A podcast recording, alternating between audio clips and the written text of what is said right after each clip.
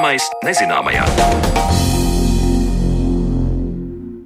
Esiet sveicināti redzējumā, zināmais nezināmajā. Ar jums kopā esmu es, Sandra Kropa, un šodien mēs redzējumu veltīsim putniem. Kāpēc stārķi sauc par stārķi, zaļo vārnu, kāpēc tiek saukta par zaļo, lai gan ir zila, un kāpēc lakstīgā mūsu senču valodā būtu forša dziedātāji. Putnu nosaukums sastopa miku soļu, un dažkārt tie var šķist ļoti saprotami, bet citkārt visai neparasti. Par to, kā tapuši mums zināmo putnu nosaukumu un ko tie liecina par putnu lomu cilvēku dzīvē agrāk, stāstīsim jau pavisam drīz. Bet pirms tam iepazīsim, kā klimata pārmaiņas ietekmē Eiropas putnu migrāciju. Ja strāzdi pavasaros atlaiž ļoti agri, tad būs gara vasara, vēstīs enču ticējums. Un šodien mēs šo ticējumu tulkotu šādu. Strāzdi atlido agri, jo ietekmējas no klimata pārmaiņām, un arī vasara būs garāka, kas ir šo klimata pārmaiņu rezultāts.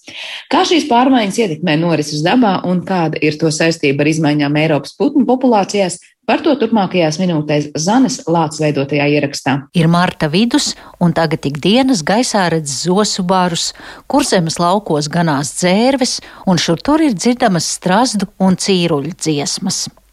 Marts ierasti ir tas laiks, kad Latvijā atgriežas pirmie gājputni, un gadu no gada tas notiek aizvien agrāk. Tas, ko mēs redzam, kur ir notikušas Eiropā lielākās pārmaiņas, kur notikušas mazākas pārmaiņas, mēs redzam, ka Centrāla Eiropa, Vācija un arī Dienvidu Skandināvija, tātad Zviedrijas dienvidu Dānija ir tās vietas Eiropā, kur notikušas visstraujākās pārmaiņas, kur pavasaris mainās. Pēdējo 40 gadu laikā ir mainījies tempā vienu dienu gadā. Tātad, principā, salīdzinot ar 80 gadu sākumu, tur pavasaris iestājās jau mēnesi agrāk nekā tas bija 80. gada sākumā. Ja mēs skatāmies tādā Latvijas kontekstā, tad lielākas pārmaiņas mēs redzam kurzemē, mazākas pārmaiņas kā Latvijas austrumdaļā. Mēs skatāmies Austrumlatvijā, kādas ir temperatūras, un ja mēs skatāmies Liepājā, kādas temperatūras, tad vienā vietā mums ir pavasaris, un otrā vietā mums ir tāda ziema vēl.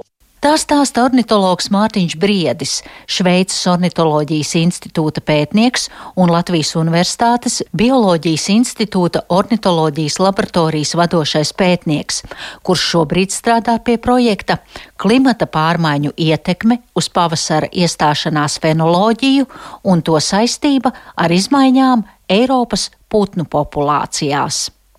Tātad termins fenoloģija Tas ir laiks, kurā notiek noteikti dabas procesi. Un Mārtiņa un viņu kolēģu pētījums ir par to, kā šie dabas ritumi pavasaros sākas aizvien agrāk gadu no gada, un kā šīm pārmaiņām spēj vai nespēj pielāgoties putni. Kad celmi pliki to pavasarī, tad cīrulis rādās, vēstīja sena paruna, pēc kuras var saprast, ka cīruļi ir tie pirmie pavasara vēstneši. Un es vaicāju Mārtiņam, cik ļoti klimata izmaiņas šobrīd ir ietekmējušas mūsu senču novērojumus par tiem vai citiem putniem un to sasaisti ar dabas parādībām pavasarī. Klimata izmaiņas ir ietekmējušas diezgan to, kā ir izmainījušies šī fenoloģija. Gan augiem, gan tam, kurā brīdī sākas pavasaris, gan tam arī, protams, kad atlot attiecīgi putni. Un lauka cīrulis viens no tiem putniem, kas ziemo tepat salīdzinoši netālu, Rietumē, Eiropā, Dienvidē Eiropā. Līdz ar to tā ir tā suga, kas pavasara migrācijas laikā var sekot līdz šim pavasara progresam tālāk uz ziemeļiem. Tas nozīmē, ka putns, piemēram, ziemo teiksim, Francijas dienvidos, un kad tur sākas pavasaris, tad viņš lēnā garā var migrēt, sekojot šīm pavasarim uz Latviju. Bet klimata pārmaiņu kontekstā, protams, šīs migrācijas pašlaik notiek daudz agrāk nekā tas bija teiksim, 40, 50 gadus atpakaļ, vai pat vairāk, ja mēs skatāmies 100 gadus senā pagātnē. Šīs putnu migrācija, it sevišķi šī pirmo atlidotāju migrācija, kādreiz notika daudz vēlāk nekā tas ir pašlaik. Ja mēs runājam par to pašu cīruli, tiek minēts, ka tas parasti atlido martā.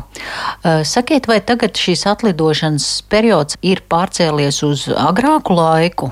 Tas centrālais laiks joprojām ir mārts, kad lielākā daļa cīruļu migrē cauri Latvijai, vai arī ierodas tie, kas liksto Latvijā. Bet pirmie cīruļi jau tiek parasti manīti jau februārī, citreiz pat janvāra beigās, ja mums ir ļoti silta zima. Pirmie putni, tie, kas atgriežas tie pavasara vēstneši parādās ļoti agri. Šogad es nepateikšu konkrēti, kurā datumā bija, bet tas bija kaut kāds februāra vidus, februāra sākums, manuprāt, ka pirmie cīļi jau tika manīti liepājas pusē. Kā ir ar citām putnu sugām, vai arī tās pēdējās desmit gadēs atgriežas agrāk nekā tas ir bijis ierasts senāk? lielākās pārmaiņas kopumā novērojams tiem, kā es teicu, tiem tuvās distances migrantiem, tā saucamajiem, kur ziemo tepat Rietumē, Eiropā, Dienvidē, Eiropā. Tiem vērojams tās lielākās pārmaiņas, un to skaitā arī ir zosis, dzērves, ķīvītes, mājas strāzes, tās sugas, kuras mēs uzskatām par pauzeru vēstnešiem. Tās arī ir piedzīvojušas vislielākās pārmaiņas pēdējo gadu laikā. Tam cik agri viņš atgriežas Latvijā pavasarī. Tie putni, kas neko nezina par klimata pārmaiņām un turpina atgriezties ierastajā režīmā, ar laiku iekavē dabā pastāvošās norises, un tas atstāja iespaidu uz to populāciju. Par to turpina skaidrot Mārtiņš Briedis putni, kas tiešām arī, tā kā es saku, tie tuvās distances migranti, viņiem ir tā iespēja, ka viņi ir šeit Eiropā, viņi redz, kad Rietumē Eiropā sākās pavasaris un kad tas turpinās tālāk uz ziemeļiem, viņi var sekot šīm pārmaiņām. Bet ir atkal otra putnu grupa, kas ir tās saucamie tālās distances migranti. Tās ir sugas, kas ziemo Āfrikā uz dienvidiem no Sahāras tūkstneša, un viņiem, diemžēl, šī iespēja zināt, kad Eiropā vai kad Latvijā sākās pavasaris, ir salīdzinoši neliela. Putni atrodas teiksim, ekvatoriālajā joslā, kur visu laiku ir silts laiks. Arī tad, kad mums ir šeit ziema, tad putnam ir jābūt kaut kādam citam mehānismam, pēc kā viņš var pateikt, kurā brīdī viņam ir jāsāk migrācija, lai viņš ierastos likdošanas vietā Latvijā, attiecīgi labākajā momentā. Un kā tas konkrēti ietekmē šo tālās distances putnu liksdošanu pavasarī? Tālās distances migranti ir zināms no dažādiem pētījumiem, ka viņi nespēja pielāgoties šīm notiekošajām klimata pārmaiņām tik labi, kā spēja šīs sugas, kas zīmo Eiropā. Tātad, jo lielākajā daļā gadījumu vai šiem tālās distances migrantiem migrācijas laika sākums pavasarī ir ģenētiski ieprogrammēts jau.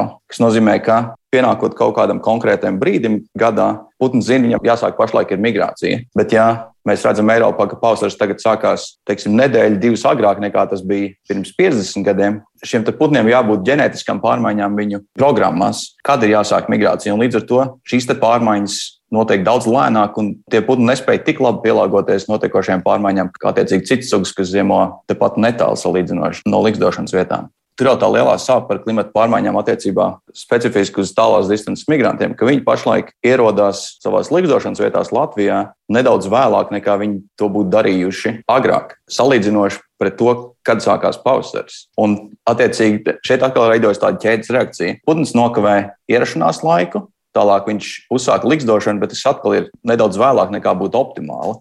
Un tajā brīdī, kad ir vislielākie barības apjomi nepieciešami, tajā brīdī, kad liks dāvāgu mazuļi, piemēram, ja putns mazuļus baro ar kukaiņiem, lielais kukaiņu, tā teikt, pīķis tajā, cik daudz kukaiņu ir dabā, ir jau nokavēts. Un tas nozīmē, ka principā mazuļi uzauga suboptimālos tādos apstākļos, kad ne visiem var pietikt barības attiecīgajos gados, kad šī nobīde starp pavasara sākumu, starp kukaiņu parādīšanās laiku un putnu liksdošanu ir vislielākā. Un tas atsaucas tālāk uz konkrētu individu likstošanas sekmēm. Šīs likstošanas sekmes var būt zemākas, un tālāk tas atsaukties, ejot gadiem, atkal uz populāciju dinamiku. Tad, ja mums vienmēr ir zemes likstošanas sekmes, zemākas nekā būtu nepieciešams, lai populācija turētos konkrētā līmenī, tad mēs varam novērot, ka šīs sugas ir tās, kam arī ir vērams lielākais populācijas lieluma kritums Latvijā. Tad, ja es pareizi saprotu, tad pakāpeniski gadu no gada šo putnu populācija sarūk.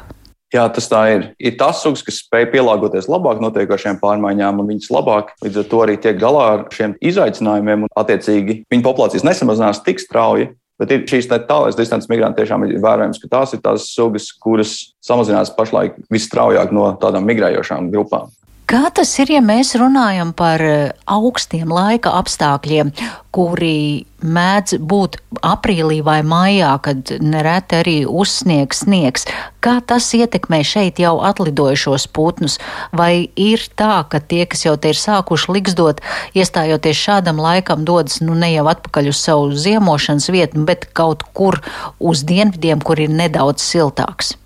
Jā, tādas lietas noteikti sagādā problēmas putniem. Ja, piemēram, ir kaut kādas sugas, kas ļoti agri uzsāk lidošanu, tās pašas ķīvītes, piemēram, viņas atlido agri un kaut kādos gados sāk liksdot ļoti agri jau marta sākumā vidū, un tad uznāk mums tas saucamais cīruļu putenis. Un, ja liksdā jau ir olas, tad šiem putniem nāks dažkārt pamest savus līgstas, doties, kā jūs sakat, atpakaļ nedaudz uz dienvidiem, pagaidīt, un tad atgriezties vēlreiz un sākt to līgsdošanu atkal. Tā arī viena no tām lietām, kas notiekot klimata pārmaiņām, notiek aizvien biežāk. Mums ļoti agri sākās pavasaris, putni atgriežas, bet tad atkal uznāk tas tā saucamais cīruļu putenis, un putniem atkal jāsāk viss pie jauna, principā pavasarī.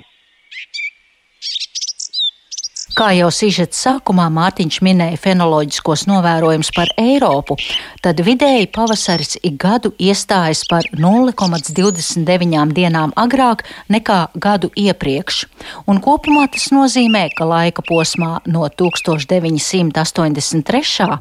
līdz 2016. gadam pavasara sākuma laiks Eiropā vidēji ir kļuvis par 11 dienām agrāks. Lūdzu, Mārtiņu, plašāk pastāstīt par šiem novērojumiem.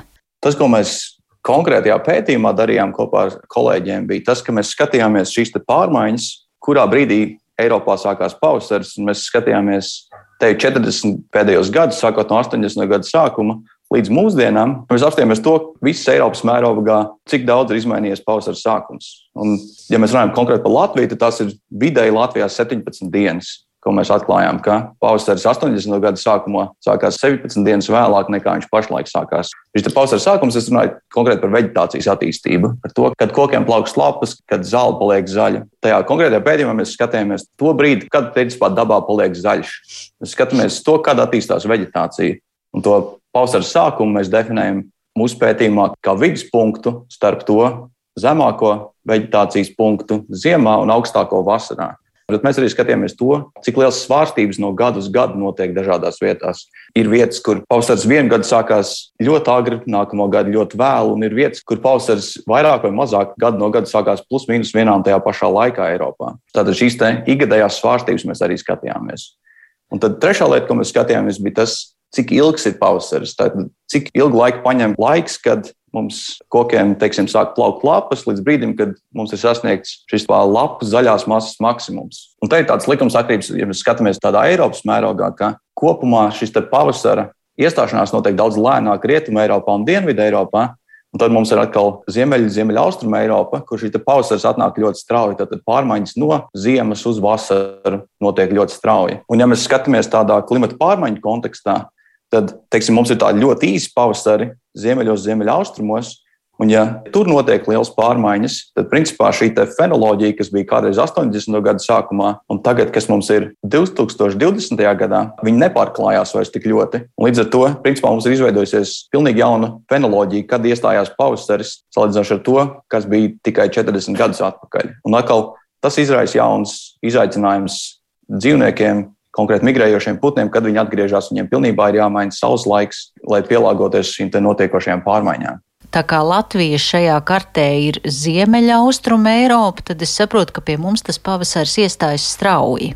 Nu, jā, mēs esam tādā Ziemeļaustrumē Eiropas, vidus Eiropas punktā attiecībā pret fenoloģiju, jo jums ir tā Baltijas jūra, kas atkal to klimatu padara nedaudz tādu okeāniskāku, salīdzinoši ar to, ja mēs skatāmies tiešām, kas notiek tālāk uz ziemeļiem vai tālāk uz austrumiem no mums. Un arī Latvijā jau šīs pārmaiņas var, var redzēt, ka mums ir īpaši pavasara sākumā, ka Liepājā un kopumā kurzemes rietumu piekrastē pavasaris sākās daudz agrāk nekā, ja mēs salīdzinām kaut kādu Latvijas austrumu daļu, kur ir alūks un balvi, lūdza, kur pavasaris arī atkal sākās vēlāk. Tieši tāpēc, ka šīs vietas ir tālāk no Baltijas jūras. Un, ja pareizi saprotu, tad šis straujais pavasaris atstāja negatīvu iespaidu atkal uz šiem tālajiem putniem, migrantiem, kuriem, tā teikt, ir jātrāpa īstajā laikā. Jā, lielākoties šī ietekme tiešām ir uz tālās distances migrantiem, kas uzsāk migrāciju no Āfrikas un tad cenšas ierasties plus mīnus vajadzīgajā laikā Latvijā. Un viņiem ir grūtāk, ja šis pavasaris ir īss, viņiem ir jātrāpa tā viņu ierašanās laiks un likdošanas uzsākšanas laiks, principā tur plus mīnus nedēļa var izšķirt to, vai viņi liksto vienreiz vai liksto divreiz, vai attiecīgi atkal kāds ir viņu likdošanas sekmes tajā brīdī, cik daudz kukaiņu ir pieejami viņu mazuļiem un, un cik mazuļus viņi var izaudzināt. Tik tālu par putnu migrāciju, bet par to, kāda mērka ziņai saistība ar kāzu un kāpēc putnus sauc tā, kā tos sauc, raidījumā stāstīsim pēc brīža. Vēl tikai piebildīšu, ka ik viens, kuram ir zināma kāda putnu sugas apvidu vārdi, var par to ziņot Mārim Strazdam, ar kuru sarunu dzirdēsim raidījuma turpinājumā.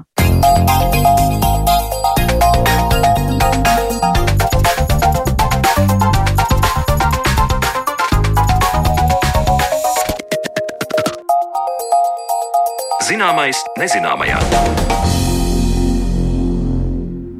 Pēdējo gadsimtu laikā Latvijā novērotas pāri par 370 putnu sugām. Katrai no šīm sugām ir savs nosaukums, gan latīniskais, gan latviskotājs, un katram no šiem nosaukumiem ir arī savi apvidvārdi. Turmākajās minūtēs iepazīsim putnu nosaukumus, to nozīmes un skaidrosim, kā tie top, un tāpēc es sveicu studijā ornitologu un Latvijas Universitātes bioloģijas institūta vadošo pētnieku Māru Strāzdu. Labdien! Labdien! Jūs pašu uzvārds parāda jau to, cik ļoti mums ikdienā daudz ir ap, apkārt putnu sugu nosaukumi. Cik daudz mums ir zināms par to, kā vispār dažādi putnu nosaukumi latviskajā versijā vispār ir līdz mums nonākuši. Tas ir tāds labi izpētīts lauks. Nē, tas, e, nu, ja runa par, par tiešām šīs vēstures izpēti, tad man ir stipri liels aizdoms, ka es esmu pirmais, kas ar to nodarbojās. E, nu, tieši ar, ar, ar nosaukumu vēstures izpēti, ar to, kā tas viss ir izveidojies. E, bet, Es gribētu mazliet palabot jūsu ievadu tekstu par tēmu, ka visām šīm sugām ir nosaukumi. Nu, droši vien daudzas nav, vai ne? Nē, nē, visām viņām ir, protams, zinātniskie nosaukumi, jo šis zinātnisko nosaukumu koncepts ir jau apmēram 400 gadus sens. Un, un nu, tādā brīdī, kad sāka nošķirt izdalīt uh, sugas, kā mēs to uh, nu, gribās teikt, šodienas izpratnē saprotam, bet šodienas izpratne pat ļoti atšķirās no tā, kāda bija šī izpratne vēl pirms 30, 40 gadiem, jo sugas koncepts bioloģijā ir, ir mainījies pa šo laiku. Bet uh, nosaukumu uh, nu, man gribās lietot uh, citu apzīmējumu vārdi. Vārdi ir vajadzīgi kaut kam, ko mums vajag atšķirt. Vienalga kāda iemesla dēļ, pazīt, atšķirt, saprast un tā tālāk. Un vārdi kā tādi putniem ir droši vien, cik sen ir valoda, tik, tik sen ir kaut kādām uh, nu, teiksim, mūsu apkārtnē kaut kāda iemesla dēļ dzīvojošām sugām. Uh, un, un attiecīgi, nu, taisnība tāpat kā vārdus dod vietām, lai zinātu, par kuru ir runa mājām, lai saprastu, kurā mājā kurš dzīvo un tā tālāk un tā joprojām.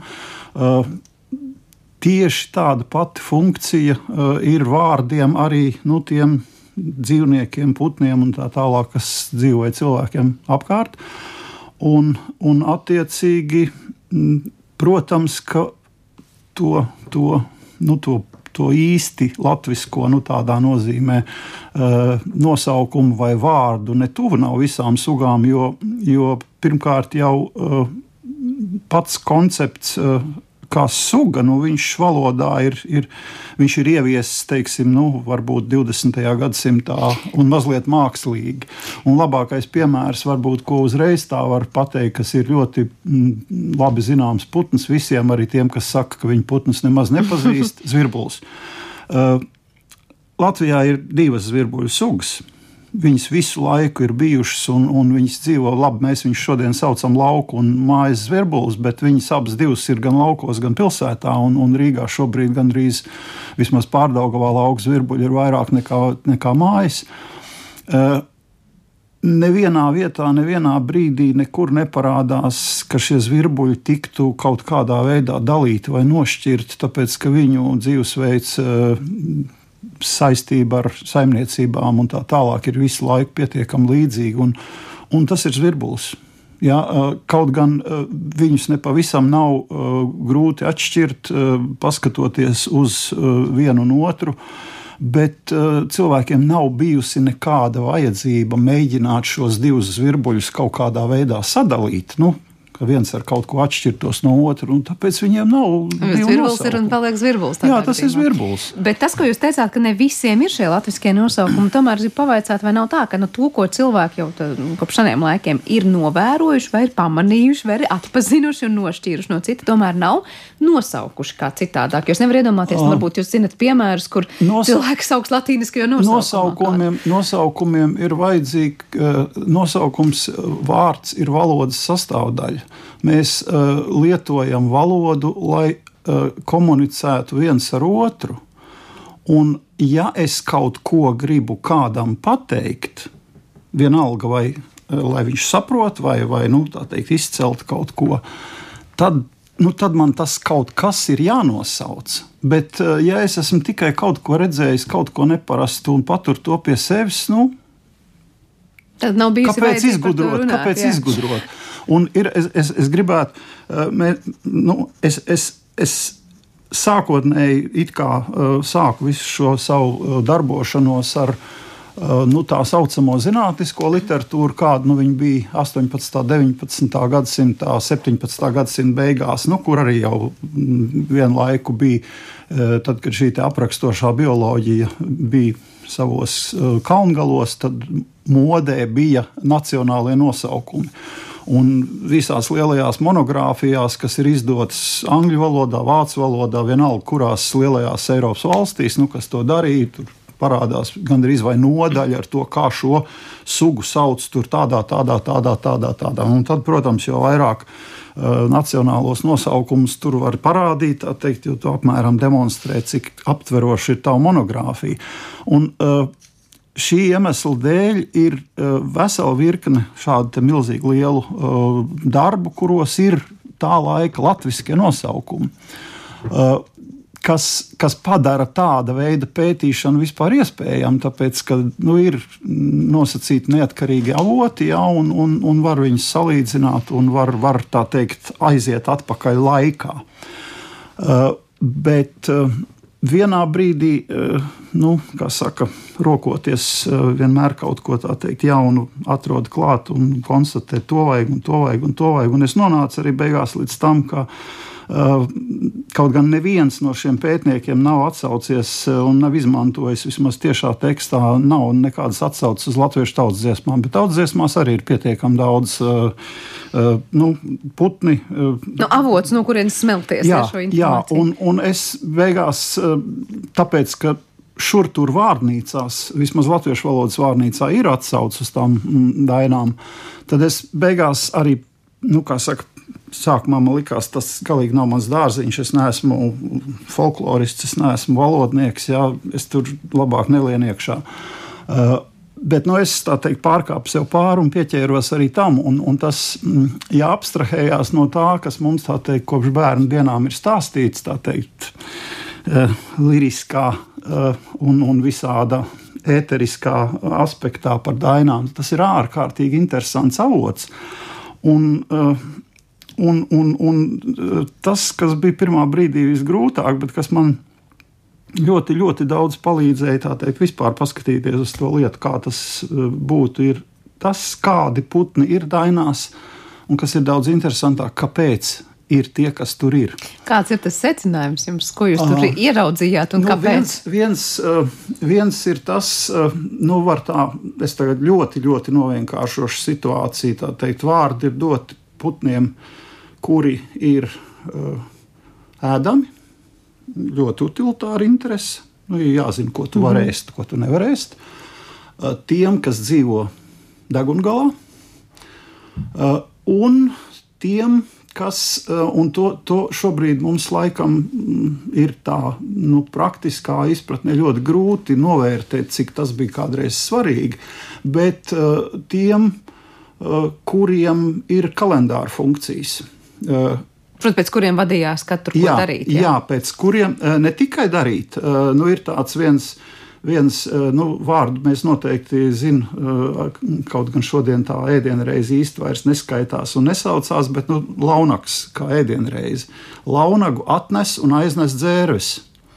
Kāpēc? Nu, tāpēc, ka dzērve ir ļoti Eh, ļoti skaļš putns. Viņu nevar nepamanīt, tad, kad viņas ierodās. Viņš šobrīd ir nu, pat kā apmēram nedēļu. At, pirmās ir atlidojušas Latvijā. Jums viņi nav jāredz. Jā, tad, kad viņas sakliedzās savā starpā, to var dzirdēt uh, 3-4 km. Un, un pie, nu, Latvijā tas ir pietiekami parasts putns. Un, un, ja viņas, nu, pavasarī, kad viņas atlido, viņas nelido tādos lielajos kāšos, jā, bet nu, viņi uzreiz ir dzirdami. Pavasarī, kad dzērba atlidotāji ir Un šī brīdī, kad dzērves ir atlidojušas, ja lauku darbi ir jāsāk ar sauli un jābeidz ar sauli, diena jau ir tik gara, ka to trešo ēdienu reizi vajag. Un tad, kad rudenī viņas aizlido, tad ir tas brīdis, kad nu, viss tā teikt, garās dienas ir beigušās. Un dzērvei bija šis, te, es nedomāju, ka dzērves nosaukums ir tāpēc, ka viņa eh, nu, saka, palīdz regulēt to, bet pilnīgi skaidrs, ka tādam putnam, kurš kaut ko nosaka, šādam nu, ir jābūt nosaukumam. Bet tu pasaki, dzērves ir atlidojušas. Oh, ir jāzina, par ko ir stāsts. Bet kāpēc dzērves sauc par dzērvēm? Jūs esat uh, iedziļinājies? Konkrētais nosaukums gandrīz noteikti. Viņam ir daudz variācijas, ir saistīts ar viņas balsi. Nu, ir ļoti daudzi tādi putni, kur, kur nosaukumu uh, nu, tas skaidrojums izcelsmē ir, ir nu, tas, kā viņi sauc, nu, upes, piemēram, vai, vai nu, tāds nu, čūniņš, nu, tādi nu, absolūti hrestomātiski. Jo nu, tu pasaki, to putnu sauc čūniņš. Ja? Uh, nu, nu, nu, viņš, tā, viņš tā saka visu laiku. Ja? Tad, tad balss, var teikt, ir viens no pie, pieņemamiem variantiem, jā. kāpēc putni ir nosaukti tieši tādos jā, vārdos, kā nosaukt. Kas vēl bez balss ir? Izskats. Nu, tur baltais, melnais stārķis jau uzreiz uh, nāk nu, prātā. Nu, jā, šis ir varbūt ļoti slikts piemērs, tāpēc, ka ne baltais, ne melnais stārķis nav vietējie nosaukumi. Un, un, un ar stārķi vispār ir ļoti interesants stāsts, jo stārks. Stārks tieši tā, nu es nezinu, vai es pareizi to izrunāju, jo no vārnīcas Uh, arī ar visiem uzsvariem un ar visu, nu, ja tu nezini to dialektu, es neņemos apgalvot, ka es to pareizi saku, bet stārks ir zivs. Uh, Liepājas apkārtnē šādā vārdā ir saukta zivs, ko mēs tagad saucam par zandartu, kas arī ir vāciskais nosaukums. Stārks, uh, stārķis, uh, tur ir putra liela vārnīcās, bet šis te nu, vai nu no zviedru vai no vācu valodas ir nepārprotami pārņemts tad, kad baltais stārķis ienāca Latvijā kā suga, jo baltais stārķis ir ļoti jauns ienācējs. Un, teiksim, tas, kas šur tur ir rakstīts, teikt, kā senie latvieši būvēja baltajam stārķim, līgas ir absolūts muļķības. Ir skaidri zināms, ka baltais stārķis bija sastopams tikai uz dienvidiem no Daugavas. 1850. gadā, tas ir pirms mazliet vairāk kā 150 gadiem, uh, vidzemē šī putna vispār nebija. Nekur un neviena. Un kurzemē, nu, dienvidrietumu kurzemē eh, viņi jau tad bija samērā parasti, bet tā ienākšana nenotika tā, nu, ot, viņš bija tik tāls. Viņš, viņš eh, baltais stārķis ir stepju meža stepju putns. Viņš sāka šeit parādīties tad, kad masveidā izcirta mežas parādījās liels platības lauksaimniecības zemes. Un, uh, lielā mērā viss tas, ko mēs teikt, par šo putnu labu uh, sakām, tur svētēlis, bērnu nešana un tā tālāk, tas viss nāk no Vācijas. Tā ir vāciešu tradīcija, attieksme. Nu, tāpēc, ka, un, un kas ir interesanti, šis aspekts ļoti skaidri parādās arī tautas dziesmās. Baltais stārķis tiek saukts par kungu putnu. Un, un, un nu, apmēram tur pretstatīts uh, piemēram, nu, kad tur stārķi bērni svētīlīši ilgi sēž līgzdiņā. Mīras bērni, kalpu bērni, tā teikt, agresīvā pulciņā. Nu, Vārds sakot, tie tur var rulēt gurķi, ja kamēr mums ir jāstrādā. Un, un vēl kas ir to, ka tas vārds cilvēkiem nav bijis para, pazīstams, parādās, ka tas vārds stārki putni Nu, mēs šodien neviens nesaka, kas ir virbulis putns, tāpēc ka visi zina, kas virbulis ir putns. Bet tajā brīdī, kad tas ir interesanti, nu, mēs nepieciešamībai visiem rietumpalērtikas sugām dot nosaukums. Uh, nu, ir tādi tropiskie, tropiskie putni, kam ir izplatīts jūras putni, ļoti skaisti garām astēm.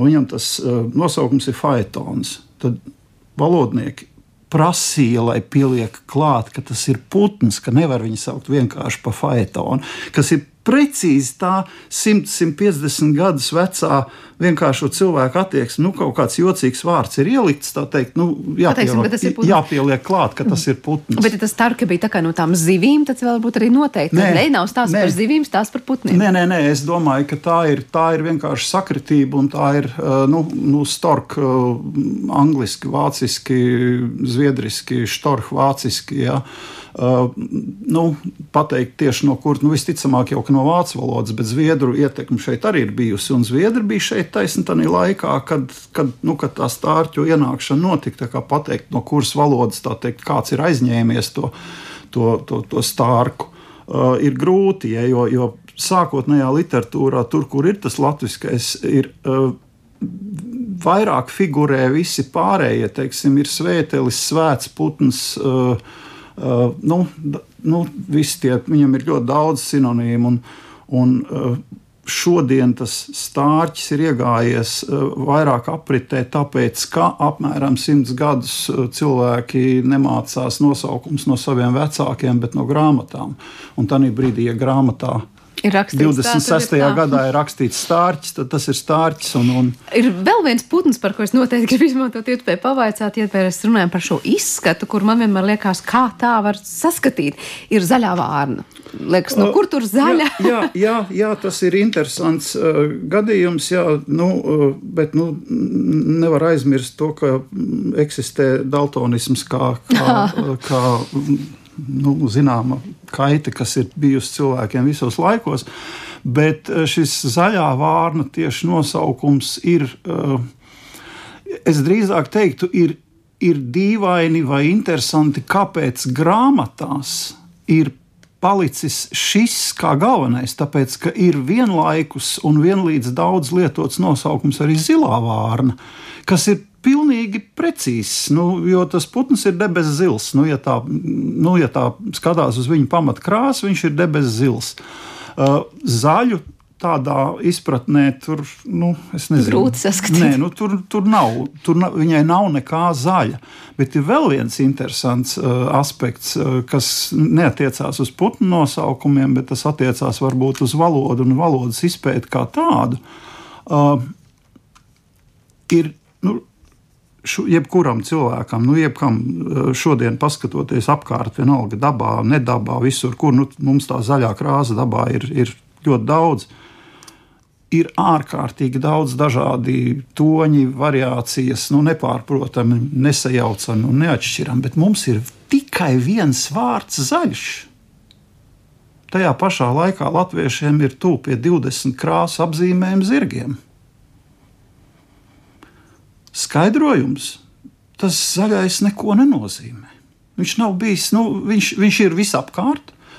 Pēc viņa nekā uh, nu, neizšķir. Nu, mēs tagad sākam teikt, tur sūnu zaļš, tur olīvu zaļš, bet tas ir vienmēr kabinot klāt kaut ko, un tas, tas, tas, tas, tas, pamat, tas pamatvārds vienalga paliek zaļš.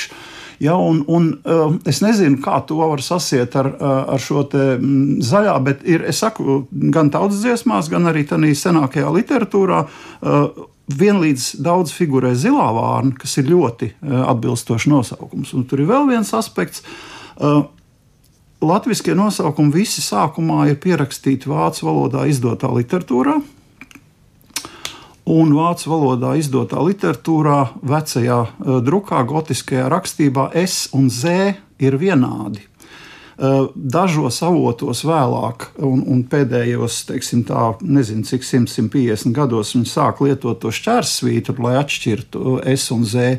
Bet sliktā kvalitātē nodrukātā grāmatā nevienmēr to uh, šķērsvītru var redzēt. Viens otrs, uh, tas ir atkarīgs arī no tā, kā burtlītis uh, saliek vai nesaliek pareizi to. to. Un Tanī brīdī, ja starp šiem diviem burtiem ir, nu, kā saka, acīm redzama kļūda, tad to var atpazīt. Bet nelaime ir tā, ka šī gadījumā, ja uzraksta zilavārna vai silavārna, abi ir pareizi. Un var būt, ka tas putns, ka viens no nosaukumiem patiesībā ir, ir nevis sila. zilā vārna, bet sila vārna, jo tas ir pilnīgi atbilstošs šai sugai, nu, sugai, kā mēs viņu tagad saucam. Uh, Un to nav iespējams vairāk atšifrēt. Tāpēc, ka, nu, jā, ja tur ir, nu, ir, ir vēl viens interesants putns, kam ir iespējams precīzi tāpat uh, vēsture, ja, un, un varbūt tas ir transformējies tik tālu, ka mēs domājam, teikt, tas ir autentiski, ir sīlis. Izplatīts uzvārds, labi pazīstams putns vienmēr bijis šeit, bet Sākotnēji vai nu tā ir sila vārna vai zīļu vārna. Un sīlis ir zīļu vārna. Un varbūt viņam pareizi būtu jāsaucās zīlis un nevis sīlis. Ja? Un tas ir Nu, to nav iespējams vairāk, to, to vienkārši nav iespējams uh, pateikt, ja, kā mm. bija pareizi. Tāpēc, ka, Bet, nu, klausoties, liekas, ļoti loģisks un pamatots būs. Jo, jo sīlis, uh, ja, nu, ja kāds nodarbojās ar zīļu izplatīšanu, tad tas ir šis putns. Un ņemot vērā to, ka viņš tiešām ozols ir mums uh, gan folklorā, gan visur, kur ļoti svarīgs koks. Viņš ir arī nu, tīri būvniecībā un, un, un visādās lietās svarīgs koks, ne tikai tā abstrakti. Un ja nu kāds nodarbojās ar ozolu izplatīšanu un stādīšanu, tas ir šis putns. Protams, ka viņam vajadzēja būt nu, teikt, zinām, viņš ir attraktīvs un, un, un, un skaļš un, un, un visādā ziņā pamanāms. Ja, Nu, šie ir tādi ļoti, ļoti grūti gadījumi, kur ir vēl pāris tādi, e, kur rokoties man ir ļoti liels aizdoms, ka tagadējais nosaukums patiesībā ir izcēlies no drukas kļūdas. Kuri vēl būtu piemēri? Nu, tas ir stāsts par daudz mazāk uh, zināmu putnu. Uh, tur ir, à, tur ir nu, gari gar penteri, bet uh, nu, ir tāds putns, kuitāls. Uh, kas ir arī šodien mēs viņu saucam par kuitālu. Tas ir paliels bridēja putns ar garu knābi, nu, tāds vists lielums putns, bet slēdz garām kājām, garu līku knābi. Uh, Kādreiz viņš bija ļoti parasts, slapjās pļavās, eh, ganībās, nu, tādīs absolūti eh, eksistenciālās lauksaimniecības zemēs. Viņš bija ļoti parasts likstotājs un, un, un arī skaļi bļaustās, eh, līdz ar to visnotaļ ēdams. Tā kā nu, no visiem aspektiem iemesls, lai to putnu atšķirtu un zinātu. Un viņam ir uh, virkne dažādu sinonīmu, nosaukumu, kuilis, kluite, nu, viss, kas ar to balsi asociējās. Tad starp šiem ēdamajiem bridēju putniem, kas ir sloka, mērkaziņa, ķikuts, kuitala. Visi trīs bija, visi četri bija pietiekami bieži sastopami Latvijā. Vācu valodā trīs no viņiem sauc dažādos variantos šnepi nu, kas ir arī kā žargons iegājies attiecībā uz sloku. Bet uh, viņus visus medīja, un es domāju, ka viņus visus uh, īpaši neiedziļinoties nešķiroja. Nu, kuru var nošaut, visi ir ēdami putni, vēl joprojām uh, divi no viņiem, mērkaziņi, joprojām ir medījams putns. Un, un uh, kuitala uh, figurē kā nosaukuma kuitals bet vienā avotā ir knitāls. Tas ir ūburts, ir apgriezts otrādi. Interesanti ir tas, ka kuiti uh, ir uh, nu, vismaz kurzemē joprojām tiek lietots kā apzīmējums nu, tādai krūmainai aizaugušai zemē. Nu, kuiti, nu, nu, jāiet uz kuitiem, nu, tas ir nu, uh, jāiet uz krūmiem. Jā. Uh, neviens no šiem putniem īsti ar krūmiem nav saistīts, bet ķikuts Un nosaukums ķikuts ir simtprocentīgi mērkaziņas sinonīms, kas ir teikt, piešķirts citai sugai. Jo, jo nu, ķikuts pēc izcelsmes nosaukums ķikuts ir mērkaziņas sinonīms, simtprocentīgi. Tas pat aprakstā ir uzrakstīts teikt, putns, kas sēž koka galā un saka ķika, ķika, ķika, ķika. Tā ir mērkaziņa. Bet nu, šis nosaukums tagad ir piešķirts uh, šai radniecīgajai sugai. Bet, ja paklausās viņas riestu, tad viņš nu, sit knipis. Nu, viņš to sit mm -hmm. ar mhm. spārniem, jau un klabina knābi. Bet tas izklausās precīzi. Un tajā brīdī, kad es izlasīju to knitāls, ja man būtu, ja man prasītu, kas tas ir pa putnu, tas ir tas. Varbūt man ir taisnība, varbūt es tikai fantazēju. Vienalga, ja? bet minējumi ļoti interesanti. To, to, to, to nav iespējams pateikt. Es gribēju vēl vaicāt par šo piesaukto mērkaziņu. Arī man vienmēr šis nosaukums ir licies tik ļoti neierasts un svešs. Kas tur ir par vārdu vispār izcelsme un kāpēc mērkaziņu sauc um, par mērkaziņu? Atkal tas ir dīvains, uh, dīvaina izvēle. Uh, tas laikam bija Aleksandrs Gross, kurš pirmais, uh, nu kā saka, ielika šo kā pirmo nosaukumu. Uh, bet uh, tas ir viens no, nu, vismaz tādā apzinātajā uh, dārziņā. Tā ir suga, kurai laikam ir latviešu tādi īsti nosaukumi, visvairāk sinonīmi. Nu, es zinu, kādus desmit. Uh, un tur ir nu, ķikaza, pikaza, uh, pērkoņa kaza, dievāzītis, uh, nu, viss iespējamais. Nu, kāpēc? Tāpēc, ka viņi lido un blēj. Mērkaziņas riests ir, nu, viņai ir tā, viņa pikējot, tā slīpi lido lejup, un astes malējās spalvas, tā teikt, ir tāda, tādā konfigurācijā, ka viņas pati aste nē, bet tieši malējās ārējās spalvas ir tā atšauts sāņas, un viņas vibrē tajā pikēšanas brīdī. Un vibrējot, rada nu, reāli blējošu skaņu. Tas ir ļoti izplatīts slapju mežmalu, slapju pļāvu, purvmalu putns pavasarī eh, to blēšanu nevar nedzirdēt. Jā, tas ir, nu, nu viņi ir, viņi ierodās, no, sāk riestot. Skaidrs, ka cilvēki sevišķi atceroties to, ka A, gadsimtiem visi ir gājuši ganos, kur pavadīja 5-6 mēnešus laukā, jāja pieguļā ar zirgiem un tā tālāk. Respektīvi, tā atrašanās ārā bija nesalīdzināmi būtiskāka dzīves sastāvdaļa nekā viņa ir šodien.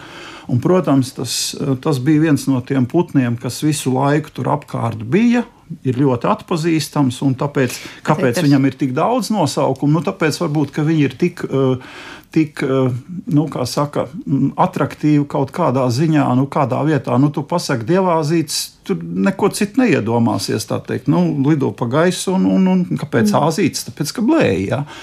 Kāpēc tieši mērkaziņa ir aizgājis? Jo tas nav labākais no šiem. Te. Nu, kaziņi ir, jā, bet, bet, bet tas, nu, Nezinu, es nevaru, es nevaru uz šo jautājumu tieši tā atbildēt, kāpēc tieši tas ir tas nu, pareizais. Es, es, nebūtu, vadībā, es nebūtu līdz to.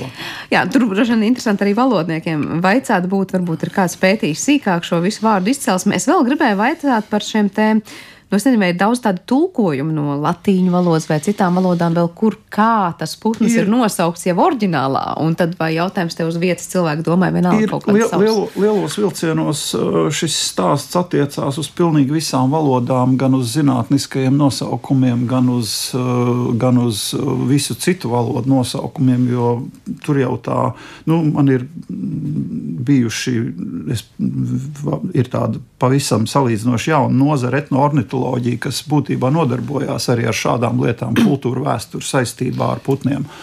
Uh, un, un es esmu runājies ar cilvēkiem, kas ar tādām lietām nodarbojās un sazinājies ar, ar Lielbritānijā. Un, nu, tur angļuiskie nosaukumi, nu, pirmkārt, tāpēc, ka viņiem tā rakstītā vēsture ir daudz senāka nekā mums. Viņi ir nesalīdzināmi labāk aptvērta. Ja, un, Un būtībā tas ir tas pats stāsts, ja nu, kā kurā vietā cilvēki pazīst sauc, nu, tad uh, ir tas termins, ko lieto mm, common names, uh, ko bieži vien nepareizi saprot kā parasti nosaukumi, bet tas ir pareizi jātulko kopīgie nosaukumi. Un tā ideja ir tāda, nu, uh, mēs šī pagastā saka dievāzītis, šī ķikaza, šī pērkonkaza, šī ķikuts. Nu, mums ir vajadzīgs kaut kāds kopīgs nosaukums, lai, zinātu, lai mēs saprastu, par ko ir runa.